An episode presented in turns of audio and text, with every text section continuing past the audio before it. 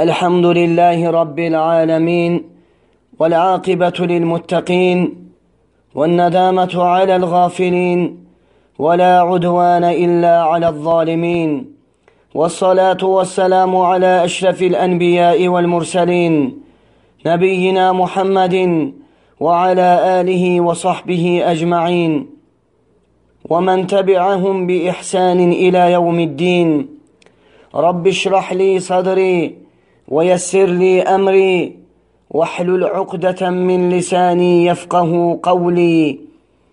اللهم علمنا ما ينفعنا وانفعنا بما علمتنا وزدنا علما. وبعد. Mühterem Müslümanlar, bugündən etibarən Allahın izni ilə keçəcəyimiz hər birinizin də xəbəri olduğu kimi mənhəc dərsləri olacaqdır.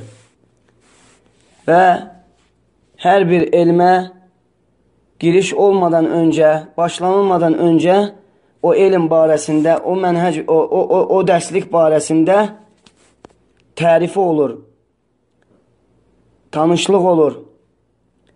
Biz də bugün sələf mənhəci barəsində dərsimizdə sələf mənhəcinin tərifini götürəcəyik. Və şeyxlarımızdan olan Muhammed Bəzmul Hafizahullah sələf mənhəcinin tərifində deyir ki, sələf mənhəci saf, tərtəmiz və pak İslam üzərində olaraq bidətlərin çirkabından və müxaliflərin ləkə və şübhələrindən uzaq olmaqdır. O pak İslam, o elə bir İslamdır ki, hansı ki onu Peyğəmbər sallallahu aleyhi və səlləm bizim üçün qoyub getmiş ağappaq bir yoldur. Ondan yalnız həlak olanlar aza bilərlər. Və o elə bir İslamdır ki, onu Peyğəmbər sallallahu aleyhi və səlləm vəsf edərək demişdir, həqiqətən o cəmaat olmaqdır. Və həmçinin Peyğəmbər sallallahu aleyhi və səlləmdən rəvayət olunur ki, o, Peyğəmbər sallallahu aleyhi və səlləmin və səhabələrin Allah onlardan razı olsun üzərində olduqları yoldur. O, İslam dini ki, onu Peyğəmbər sallallahu aleyhi və səlləm İrbad ibn Səriyə radiyallahu anhudan gələn hədistə bizlər üçün zikr edərək belə buyurmuşdur. Sizlərdən kim məndən sonra yaşayarsa, o çoxlu ixtilaflarla qarşılaşacaqdır. Belə olduğu zaman sizə mənim sünnətimi və məndən sonra hidayət olunmuş və hidayət yolunu göstərən Raşidi xəlifələrin sünnəsini tövsiyə edirəm. Ondan bərk-bərk yapışın, azı dişlərinizlə yapışın və dində çıxmış hər bir yenilikdən çəkinin. Çünki hər yenilik bidət və hər bidət də zəlalətdir. Sonra şeyx sözünə davam edərək deyir ki, bu İslam Allahın dost doğru, hak yoluna bağlılıq dinidir ki, kim bu, yola, kim bu yolda gedərsə cənnətə girər və kim ondan üz döndərərsə cəhənnəmə girər. Necə ki, Peyğəmbər sallallahu aleyhi və səlləmdən gələn hədistə deyildiyi kimi, bir gün Peyğəmbər sallallahu aleyhi və səlləm səhabələrinlə birgə olduğu zaman yerə düz xət çəkir.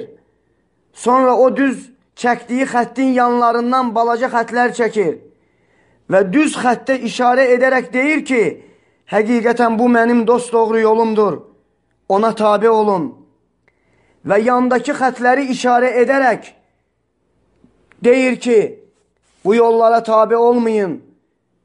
Və sonra buyurur, bu gördüyünüz düz xəttin ətrafındakı balaca yandan çəkilən xətləri işarə edərək deyir ki, Bu gördüğünüz yolların her birinin başında bir şeytan durur ve o yola tərəf dəvət edir.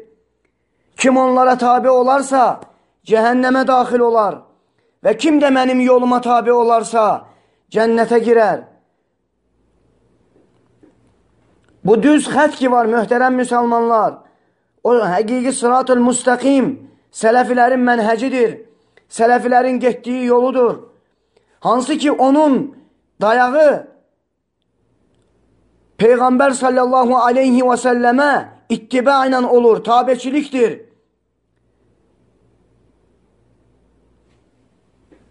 Ve Peygamber sallallahu aleyhi ve sellem'den rivayet olunduğuna göre sahabelerin bizlere, sahabelerin fehmi ışığında bu yolla gitmeyimize bize buyurmuştur. Ve hemçinin Allahu Teala bir ayet-i kerimede bize bunu işaret ederek demiştir ki ومن يشاقق الرسول من بعد ما تبين له الهدى ويتبع غير سبيل المؤمنين نوله ما تولى ونسله cehennem وساءت مصيرا Herkes özüne doğru yol aşkar olunandan sonra peygamberden üz döndürüp müminlerin müminlerden geyrisinin yoluna üz tutarsa biz onun yöneldiği, onun istediği yola taraf onu yönelder ve onu cehenneme varid ederek ora nece pis bir yerdir. Bu İslam ele bir dindir ki onun üzerinde olan onun üzerinde olan insan dinde yenilik, yeniliklerden yeni çıkan her bir şeyden uzak olar. Çünkü Peygamber sallallahu aleyhi ve sellem bize hadisinde öğretmiştir ki kim? Peygamber sallallahu aleyhi ve sellem buyurmuştur. Kim bizim dinimize ondan olmayan bir şeyi getirerse, bir yenilik çıkartarsa, yenilik getirerse o ondan kabul olmaz, ondan reddolunar. Başka bir rivayette demiştir ki, kim bizim dinimizden olmayan bir şeyle emel ederse, ondan kabul olmaz, reddolunar. Ve sonra şeyh yine sözüne devam ederek deyir ki, bu İslam ele bir dindir ki hansı ki Peygamber sallallahu aleyhi ve sellem onun hakkında bize demiştir ki kim benim sünnetimden üz döndürerse menden değildir. Ve hemçinin Peygamber sallallahu aleyhi ve sellem demiştir ki ben size ele bir şeyi terk edip gedirem ki eğer siz ondan tutsanız ondan yapışsanız ona bağlansanız hiçbir zaman azmazsınız. O Allah'ın kitabı ve benim sünnetimdir demiştir. Eleyse mühterem Müslümanlar selefi menheci sırat-ı müstakime mülazim olarak bağlanmaktır. Hansı ki onu Peygamber sallallahu aleyhi ve sellem bizim için seleflerin fehmlerinin ışığı altında koyup gitmiştir.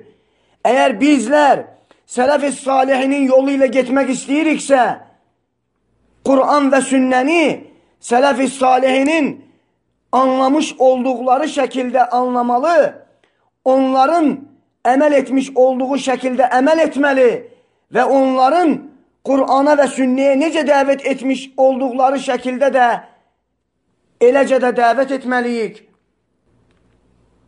Sonra Şeyx Süleyman Ruheyli Hafizahullah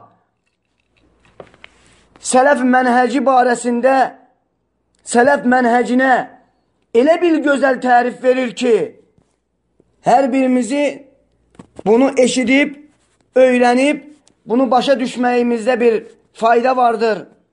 Şeyx Süleyman Ruheyli Hafizahullah Sələf mənhəci barəsində belə buyurur. Deyir ki, sələf mənhəci appa açıq bir mənhəcdir. Tutub gedilən yoldur ki, sələf mənhəci başqa heç bir şeylə qarışmamışdır. Sələf mənhəci elə bir mənhəcdir ki, yalnız Allaha ixlasla və Peyğəmbər sallallahu aleyhi və səlləmə tabeciliklə ayaqda durur. Sələf mənhəcinin əsası Allahu Teala'nın o kelamıdır ki Allahu Teala böyle buyurmuştur.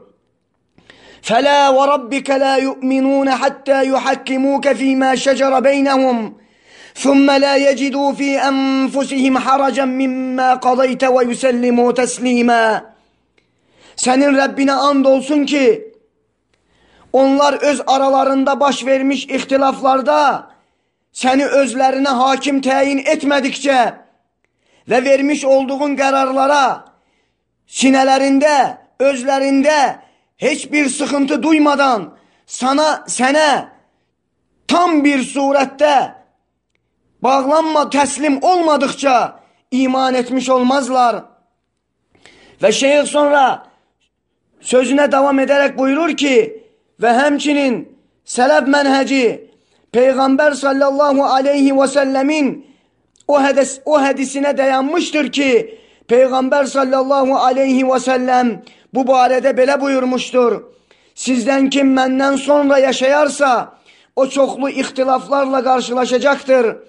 Belə olduğu zaman sizə mənim sünnətimi və məndən sonra hidayət olunmuş və hidayət yolunu göstərən Raşidi xəlifələrin sünnəsini tövsiyə edirəm. Ondan bərk-bərk yapışın, azı dişlərinizlə yapışın və dində çıxmış hər bir yenilikdən çəkinin. Çünki hər yenilik bidət və hər bidətdə zəlalətdir. Sələfi mənhəci bu ümmətin əvvəlini, əvvəlkilərini islah etdiyi ilə ayaqda durmaqdadır. Və o da Peyğəmbər sallallahu aleyhi və səlləmin və sahabələrinin Allah onlardan razı olsun üzərində olduğu yoldur. Sələf mənhəci bidət əhlindən və hava əhlindən nəfslərinə uyanlardan və onların dostlarından uzaqlaşmaqla və onların dediklərindən uzaq olmaqla, olmaqla ayaqda durur. Sələf mənhəci ona açıq aydın şəkildə, onu açıq aydın şəkildə yaymaqla və ona dəvət etməklə ayaqda durur. Sələfi mənhəci bidətləri və bidətçiləri üzə çıxarmaqla və onlara rədd edərək çalışmaqla ayaqda durur və həmçinin bidət əhlinin əhvallarını bəyan etməklə və onlardan gələn hər bir söz, etiqad və əməllərdən insanları çəkindirməklə ayaqda durur. Sələf mənhəci elə bir mənhəcdir ki, sünnəyə müxalif olan heç bir şeylə qarışmamışdır. Sələf mənhəci Quran və sünnə üzərində olan yoldur. Sələf mənhəci elm və bəsirət üzərində olan yoldur. Sələf mənhəci ittiba və irşad, tabeçilik və doğru yola irşad etmək, doğru yola yönləndirmək üzərində olan bir yoldur. Sələf-i salihinin Allah onlardan razı olsun mənhəci, mənhəcini Allah bəsirətini açmış olan, aydınlatmış olan insanlar açıq aydın şəkildə görə bilərlər. Bəli, və şeyxin sözü, şeyxin sələf mənhəci barəsində olan tərifi burada bitir. İnşallah, e, yəqin ki, e, indi e, sələb mənhəci tərifi barəsində e, bu danışdığımız, gətirdiyimiz təriflər yetərlidir. Allah nəsib edərsə, inşallah axşam dərsimizdə e, sələflər kimlərdir? Kimlər sələflər, bizim sələflərimizdir və onlara, o sələflərə nisbət olunmağın hökmü barəsində olacaq inşallah dərsimiz. Allah-u Teala'dan istəyirəm ki, Allah-u Teala hər birimizi eşidib faydalananlardan etsin. Allah-u Teala hər birimizi danışdığımız sözdə və etmiş olduğumuz əməldə ixlasla və Peyğəmbər sallallahu aleyhi və səlləmin sünnəsinə bağlılıqla Peyğəmbər sallallahu aleyhi və səlləmin sünnəsinə uyğun şəkildə etməyə bizlərə müvəffəq etsin. Allahu Teala hər birimizi sələf-i salihinin mənhəci üzərində sabit qədəm qalan qullarından etsin. Vallahu Teala a'la və a'ləm və sallallahu ala nəbiyyinə və səlləm. İxlasla.com saytı tərəfindən təqdim olundu.